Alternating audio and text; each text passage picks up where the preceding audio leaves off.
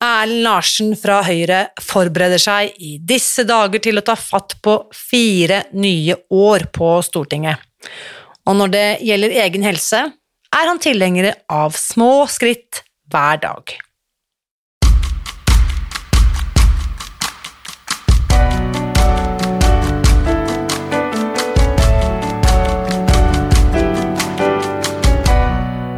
Mitt navn er Irina Lie. Jeg er journalist og forlegger, gründer og sosial entreprenør. I 2015 spiste jeg meg fri fra overvekt og fedme etter å ha slitt med vekt, kropp og følelser i nesten 30 år. Etter at jeg knakk koden, ga jeg meg selv et nytt oppdrag – å dele denne kunnskapen med alle som trenger det. I denne podkasten kan du derfor høre hele lydboken Spis deg fri. Den finner du ved å bla deg tilbake i arkivet og lytte til første sesong. Hver uke inviterer jeg nå gjester som gir deg påfyll til hodet, hjertet og magen. For min visjon er å endre Helse-Norge, og det får jeg ikke til alene. Du bidrar ved å abonnere på podkasten, skrive en omtale i iTunes og tipse meg om hvem jeg burde invitere hit. Da setter vi i gang med ukens episode. Om en drøy måned er det stortingsvalg. Mandag 13. september skal du og jeg stemme på hvilke partier som skal representere oss gjennom de neste fire årene. I forkant av dette valget så har jeg invitert våre fremste helsepolitikere til å dele sine tanker om helseutfordringene Norge står overfor, og i dag skal du få møte Erlend Larsen. Han er en eh, engasjert høyrepolitiker som står øverst på valglisten for Vestfold. Det betyr at han garantert får fire nye år på Stortinget. Og etter å ha snakket med Erlend, så fikk jeg en påminnelse om at eh, alt henger sammen med alt, for ting er komplekse, det er det ingen tvil om. Her er ukens gjest. Velkommen til podkasten, Erlend, og herlig at du hadde tid og lyst til å være med her i dag. Jo, tusen takk for at jeg ble invitert. Hyggelig å få lov til å være med. Viktige temaer du tar opp også.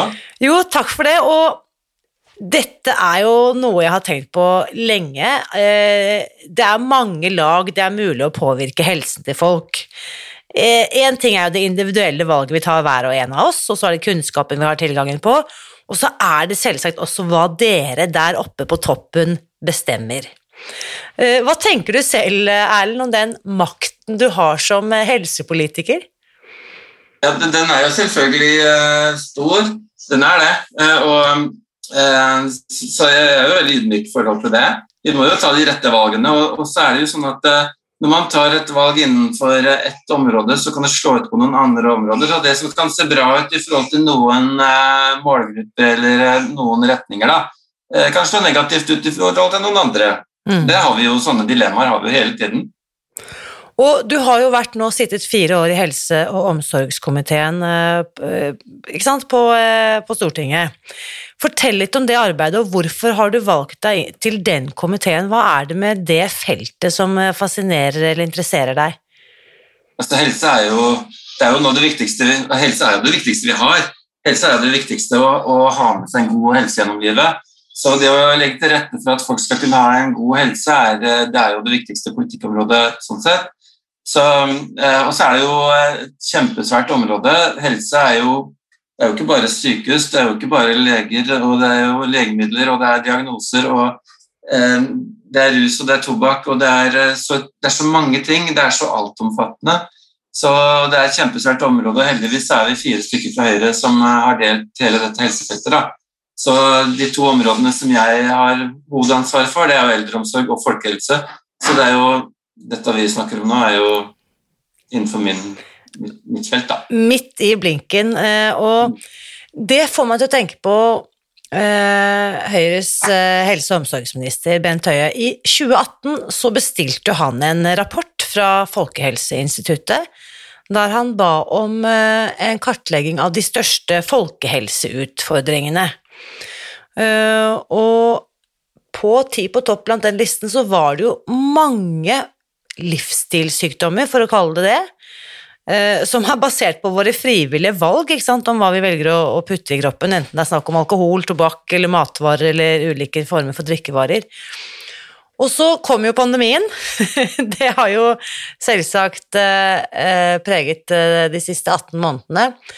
Og da lurer jeg på, er det sånn at jeg bare lurer på sånn fra, fra, ditt perspektiv, er det sånn at pandemien satte sjakk matt for resten av folkehelsearbeidet? Ble, liksom, ble alle de øvrige ti uh, utfordringene glemt, på en måte? Nei da, det ble ikke det. Absolutt ikke.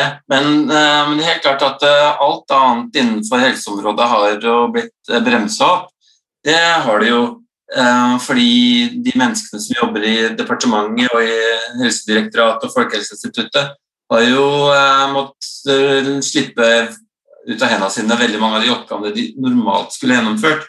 Og så har de måttet fokusere på koronaen isteden. Men det betyr ikke at alt andre har gått på båten. Definitivt ikke. Men det har jo, det jo bremsa veldig opp.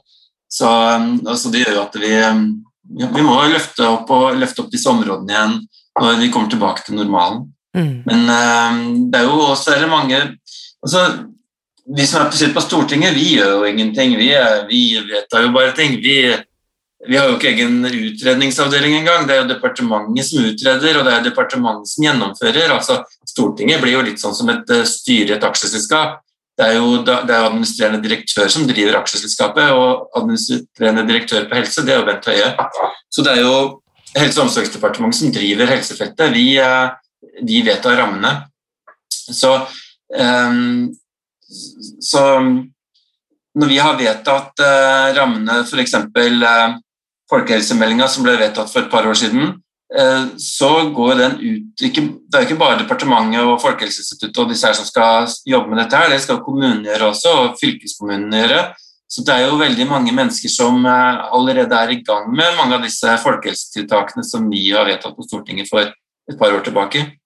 Så det er jo mange prosesser som er i gang eh, langt der ute i feltet. og Folkehelsetiltak eh, skal jo ikke bare gjennomføres av helsemennesker. Det er jo også hvordan er vi vedtar eh, gang- og sykkelveier, f.eks.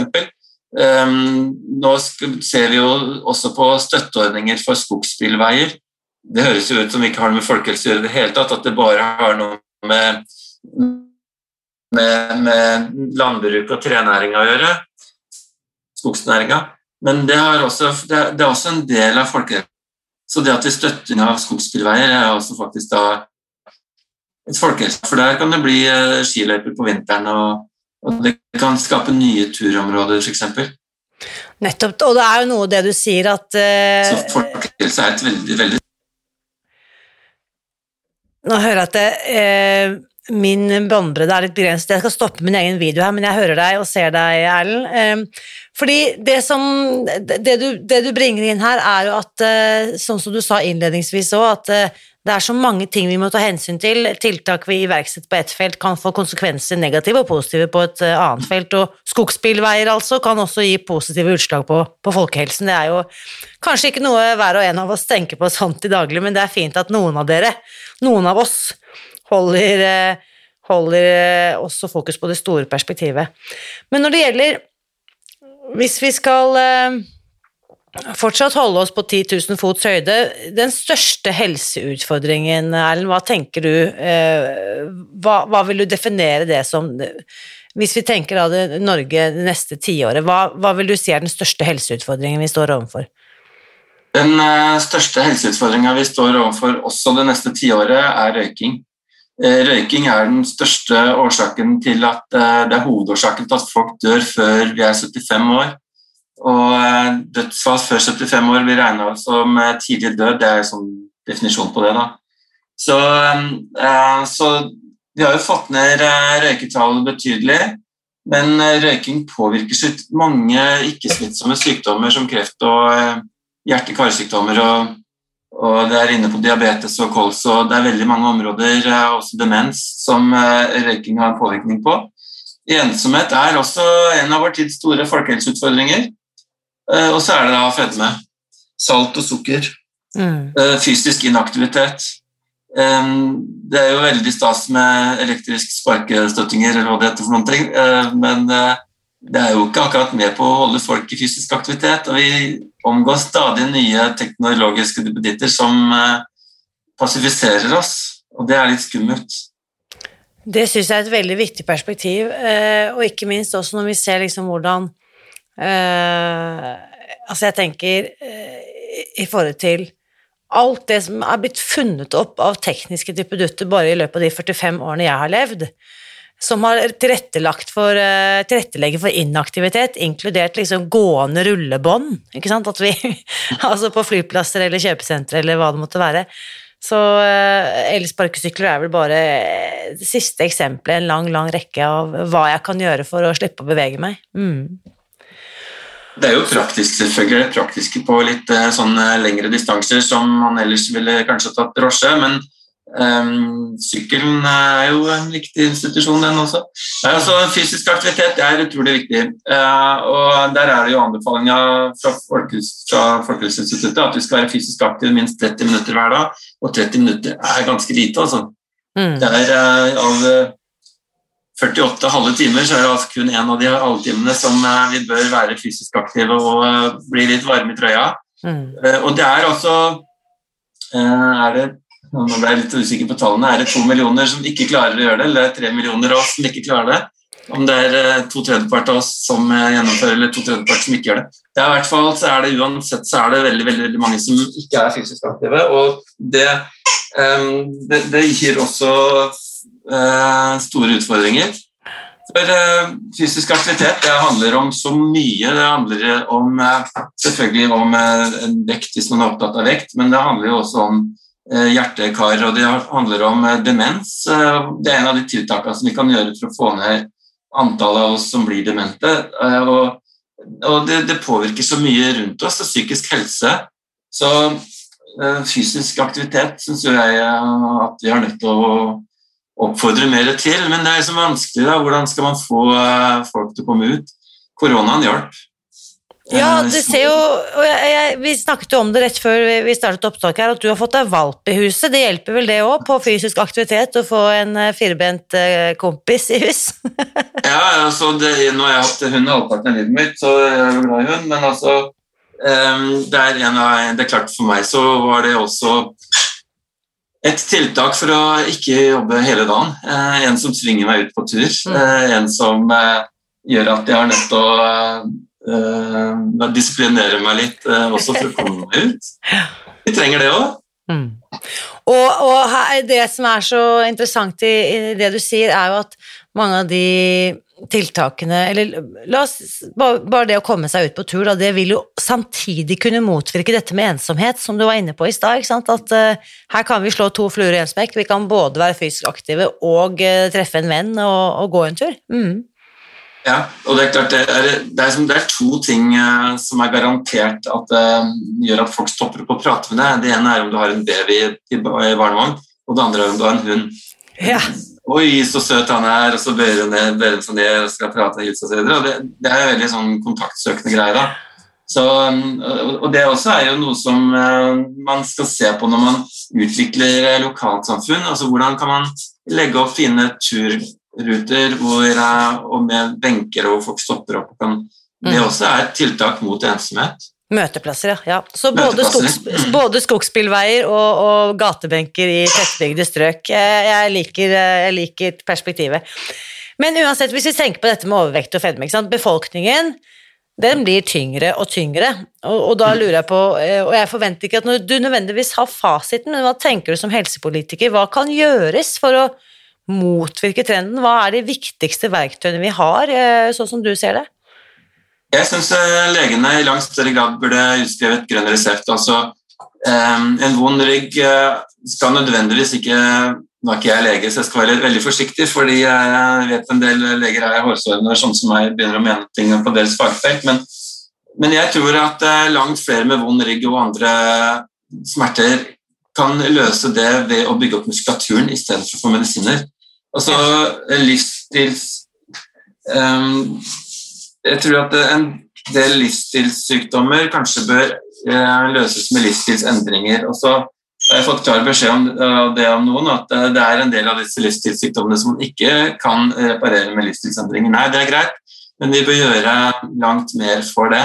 Så Vi er veldig veldig heldige i Norge fordi vi har så mye olje. Altså, man kan si hva man vil og stemme MDG så mye man orker, men hadde det ikke vært for at vi har olja og hvor forferdelig den eh, vil være på alle måter miljømessig, så, så, så, hadde vi heller ikke hatt råd til å gi de tilbudene og velferdstilbudene som vi har. Um, og Det gjør også at vi har en del hvileputter. Og de hvileputtene blir etter hvert borte, for den olja blir borte, og en del av disse skatteinntektene blir borte, og utgiftene øker mer enn skatteinntektene uansett. Uh, om man uh, skrur skatteskruen så hardt som man bare vil på rød side igjen, så får man ikke nok midler til å holde dagens velferdsordninger i gang over tid. Og Nå snakker vi om 30 år tid. Mm. og da er vi nødt til å støtte kraft tilbake på, til, til veldig mange år. Så vi har da eh, grønne Vi kan ikke Unnskyld, ja, fortsett. Vi er nødt til å løse til en del ting sjøl. Mm. Jeg eh, vil likevel stoppe opp ved eh, helsemyndighetenes anbefaling eh, anno 2021. Da er det fortsatt det som er eh, gullstandarden. Hvis man ser f.eks. på Helsedirektoratets eh, sine sider, så er det dette å Spise mindre og bevege deg mer hvis eh, målet er å gå ned i vekt. Eh, hva tenker du om, om, det rådet til de som sliter med overvekt og fedme i dag? Det, nå skal jo sånn som meg være litt forsiktig med å være um, som betterviser for andre, fordi det er mange årsaker til at folk spiser mye. Um, det kan også ha sammenheng med, det kan ha sammenheng med psykisk helse.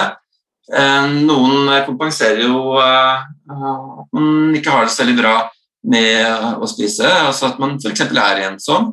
Altså, ensomhet regnes som en risikofaktor på linje med fedme, røyking og fysisk inaktivitet. Og vi vet at det er veldig mange som er ensomme at det påvirker risikoen for hjerte- og karsykdommer, infeksjonssykdommer og depresjon. Så, så det, man man kan ikke bare si at eh, du må bare skjerpe deg og spise mindre. Det er mange årsaker til at folk har, gjennomfører de valgene man gjør.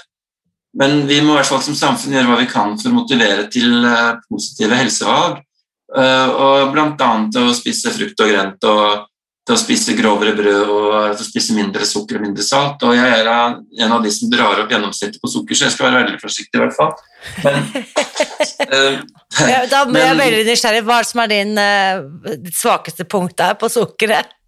Nei, deg og brus, er jeg helt forferdelig på det området der. Ja. Så, så, jeg vet jo godt hvordan man lar seg friste, og hvordan um, så, jeg, så, så jeg er en storforbruker. men jeg vet jo at man skal være forsiktig med å være høy og mørk for andre på mange områder. Men altså som samfunn da, på overordna nivå, på det nivået som jeg er på nå, som litt tilbake til et spørsmål du hadde i stad, så, så, har jo denne regjeringa sånn, har jo inngått et partssamarbeid med næringslivet, med matindustrien, hvor det er nærmere 100 forskjellige matprodusenter, restauranter og sånn type Fjordland og, eh, og alle som produserer mat, Nortura og Tine og disse store matprodusentene er en del av denne avtalen her. Og denne Avtalen går ut på å redusere sukker- og saltinntak og fedme, fettinnhold i mat. Eh, og så er det sånn at Salt blir jo brukt for å skape smak, og sjokolade med salt er jo noe av det verste som er, for da må du bare én bit til. Ja. Det sier seg jo sjøl. sånn er det i hvert fall for meg. Um, så, så, den avtalen som departementet har eh, med matindustrien, er veldig viktig for å få ned eh, salt, sukkerinnhold og fettinnhold i maten som vi kjøper i butikken. Uh, for noen år siden så er jeg ganske sikker på at jeg leste en artikkel hvor det sto at det var mer salt i yoghurt enn i potetgull, og det er ganske skremmende. Mm. Men vi tror gjerne at det er mest i potetgull. Der er det bare sånn overbevisende mye. Men det er det at salt blir brukt for å, å, skape smak og gjøre at vi har lyst til å spise mer. Um, og så er det jo også det at det, det tar tid for oss å endre smaksvaner. Så vi kan ikke bare redusere og ta bort alt saltet sånn med en gang, for da smaker ikke noe mat lenger, og da vil vi i hvert fall ikke kjøpe det. Så det må foregå over tid.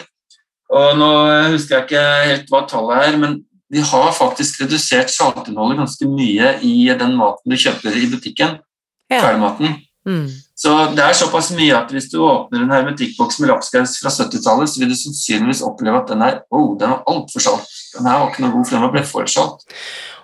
Og det er jo egentlig veldig fascinerende det du er inne på nå, denne komboen av disse ulike salt, sukker, sødme, syre, all, alle disse tingene som matindustrien Dette er jo det deres ekspertise først og fremst går ut på. ikke sant? Hvordan skape disse kombinasjonene som gjør oss hekta.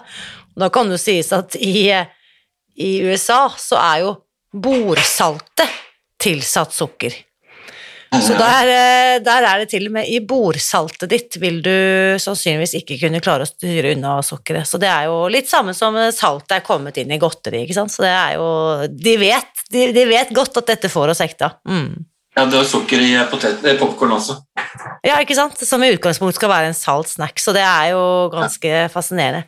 Er, og ikke sant, nå eh, blir jo du etter alle solmerker gjenvalgt eh, eh, inn på tinget. Eh, førsteplass eh, Høyre på listen i Vestfold. Eh, hva tenker du nå til høsten, Erlend? Er det helse og omsorg som fortsatt står på agendaen, eller hva, hva tenker du der? Har du bestemt deg? Helseomsorg er selvfølgelig viktig, eh, men eh, hva det blir, det er en stor kabal. Det er jo Partiene skal eh, fordele sine representanter utover de tolv komiteene. Det skal være geografisk sammensetning og det skal være kjønnsmessig sammensetning, så det er mange faktorer som spiller inn. Men, helse er veldig viktig. Det er det definitivt. Mm. Et poeng som jeg bare tenkte på i stad i forhold til dette med hvilken utvikling vi har i Norge, da, det er jo det at eh, jeg har liksom alltid tenkt at amerikanerne er så store, men det er bare et par kilo som skiller oss. Det er så, ikke mye som skiller oss, og vi ligger like bak. Og det kan mm. sies da at eh, i USA, nå så jeg den nyeste befolkningsstatistikken derfra, så er levealderen for første gang bikket, så nå forkortes levetiden i, eh, blant amerikanere. Slik at vi kan snakke om ikke lenger en evolusjon, eh, men faktisk en devolusjon hvor ting faktisk nå går i, i feil retning. Ja, og det er jo Norge så er et politisk mål at vi skal være blant de tre landene i verden med høyest gjennomsnittlig levealder. Um, vi er vel på fjerdeplass uh, nå, så fjerde- eller femteplass. Um, så, så, det er jo en klar målsetting for oss å øke levetida av befolkningen. Og, og da er jo disse, dette er et av tiltakene. Mm. Så, så folkehelse det er usedvanlig viktig på alle plan. Også eh, i forhold til dette andre strukturelle endringer som på en måte må vedtas politisk Altså sukkeravgift er jo en ting vi ofte kommer mm. tilbake til. Hva tror du om, om denne typen tiltak og, og andre, eh, andre vedtak, Erlend? Det var vel egentlig den jeg tenkte på helt innledningsvis da jeg sa at noen ganger så fatter vi noen vedtak på noen områder som har påvirkninger eh, som man ikke ønsker på andre områder. Ja. Eh, så her har det jo vært eh, altså Jeg bor jo i Vestfold, en av disse fylkene som eller kretsene da, som, som har stor grensehandel, sånn som Vestfold og langs med hele grensa oppover. Så her, dette har jo vært, Sukkeravgiften har jo vært gjort motivert fra å å redusere grensehandelen. Um, med utgangspunkt i at um, istedenfor at, de, at folk reiser til Sverige for å handle dette, så kan de heller kjøpe det i Norge. Men så er det jo ikke til å komme forbi heller at tilgjengelighet, økt tilgjengelighet og lavere pris det gjør også at uh, de handler mer. Det kommer vi ikke bort ifra. Det, såpass kunnskapsrike burde vi være. Så, så det, er, det, er, et kjempedilemma. Som uh, folkehelsepolitiker så er ikke det mitt første ønske at man reduserer sukkeravgiften. Men i forhold til arbeidsplasser og i forhold til eh, å redusere grensehandelen, så er det et viktig tiltak. Så, så her er det to ting som møter hverandre. Altså. Mm. Og det er jo litt å, å ha i bakhodet òg at eh, det er ikke alle vedtak som gjøres der eh, av hensyn til folkehelsen. Dette skal da balanseres både med landbrukspolitikk, det skal balanseres med sysselsetting, grensehandel, ikke sant. Veldig mange konkurrerende hensyn. og det er vel ikke alltid sånn at selv om vi kan si at helsen er viktigst, viktigst så er det ikke alltid hensynet til helsen som veier tyngst på vektskålen. Um, som politiker så skal det være det, men altså, det er jo det som setter ting i sammenheng, da. Um, men um, Men altså Som individer så vil vi gjerne kose oss litt og, og sånt. Og det er jo ikke bare lørdagsgodteri lenger, sånn som det var da vi vokste opp. Det er jo det, det har blitt en del av vår, vårt faste måltid, nærmest. Så, Så, så, vi har jo hatt en altså vi er jo på en, eh, Som folk så er vi jo på en reise på en måte hvor vi, hvor vi utvikler oss hele tiden. og hvor eh, Vi har jo god råd. Vi har råd til å, kjøpe ting, og ting er og også litt rimeligere pris. og sånn, så, så, det gjør jo at tilgjengeligheten er stor, og, og det påvirker jo hvordan vi er og hvordan vi handler. Jeg må bare spørre, Erlend, eh, nysgjerrig. Hva med deg selv? Du nevnte jo at du er usedvanlig glad i sukker og søtt, og sjokolade spesielt. Eh, har du selv slitt med vekten noen gang? Nei, egentlig ikke, ikke sånn i formatet som det der du tenker. Altså, jeg veier tre-fire kilo for mye, og i min alder slanker ikke det spesielt mye. Men jeg skulle jo gjerne ha gått litt ned. Det har jo vært i perioder også når jeg jobber mye, så så er jeg ikke så fysisk aktiv. Eh, og det er jo veldig mye før jul og før sankthans. Da er vi ganske intenst. Uh, ja, ikke sant? Og selvfølgelig så, økt stress og mindre søvn og alt dette. Det gir jo ikke mm. gunstig utslag på vekten, det heller, sånn sett. Mm. Nei, det er ikke det. det, er, så, det, er, dette er politikk og dette jeg driver med, er jo sånne ting som uh, kan bli altoppslukende, altså hvor man kan uh, holde på til man stuper og man får ikke noen medalje for det, men eh, det er jo ikke så bra for helsa. Så mm. det er viktig å sette av tid til eh, egen helse så hver dag, uansett. Man bør ikke være fanatiker. Jeg er skeptisk til fanatisme uansett hvilken retning det dreier seg om. Så det handler egentlig bare om å øh, gjøre det man føler er bra for seg sjøl, føle at det, man er komfortabel med Man skal jo ha det bra og man skal jo gjøre ting øh, så det er mange som drikker masse kaffe, og det er en del av livskvaliteten. Det er jo helt fint, men man må, det er liksom for mye og for lite generelt. Ja, ikke sant? og dette bringer meg jo egentlig inn på, på, det siste jeg vil spørre deg om, nemlig ditt beste tips for eh, god helse, hva, hva det er. Det høres jo ut som du er inne på det her. Mm. Det er jo å gå tur hver dag. Det er jo eh, Altså, jeg har skrevet tre turbøker som, er, som jeg har skrevet fordi at jeg ønsker å motivere folk til å bli bedre kjent i uh, det området i Vestfold da, som nær to av bøkene kommer ifra, og Rauland og Rjukan som tredje boka kommer ifra. Um, for å senke terskelen og gjøre det lettere for folk å komme ut og være i aktivitet. Um, så, så jeg er jo veldig opptatt av at folk er fysisk aktive på lavterskelnivå. så Man må ikke springe rundt og dra maraton og disse tingene. for det de som eh, syns det er bra, de skal gjøre det, mens uh, vi andre som ikke har den ambisjonen, vi skal uh, legge ambisjonsnivået på et mer personlig nivå. Og så gjennomføre de fysiske aktivitetene de er komfortable med. Men det er viktig at vi er fysisk aktive. Det er viktig for hele kroppen. Det er viktig for hjerte og lunger. og Det er viktig i forhold til enkelte kreftsykdommer og kols, og det er diabetes og det er demens. og og det er viktig for, eh, for velvære og psykisk helse. Det er, eh, det er, rett og slett eh, den medisinen jeg liker best, da, som jeg syns smaker best. Men ja, og det er viktig å få folk til å kjenne på den og bli vant med den og kjenne hvor godt det faktisk gjør. Mm. Altså. Det er surt gå ut når det regner, men du verden hvor godt det er når du først har med klær og litt vindtett jakke og sånt, og kjenne at du tar en dusj og setter deg i sofaen da, da eh, opplevelse. Den må kjennes, og man må venne seg til opplevelsen også. Fantastisk godt tips der, og så tilgjengelig for absolutt alle som hører dette. Gå tur hver dag. Med det, Erlend, så vil jeg bare si tusen takk for uh, herlig prat, og ønske deg en god sommer videre. Jo, takk det samme. Hyggelig å prate med deg. Så med viktige programmer du har.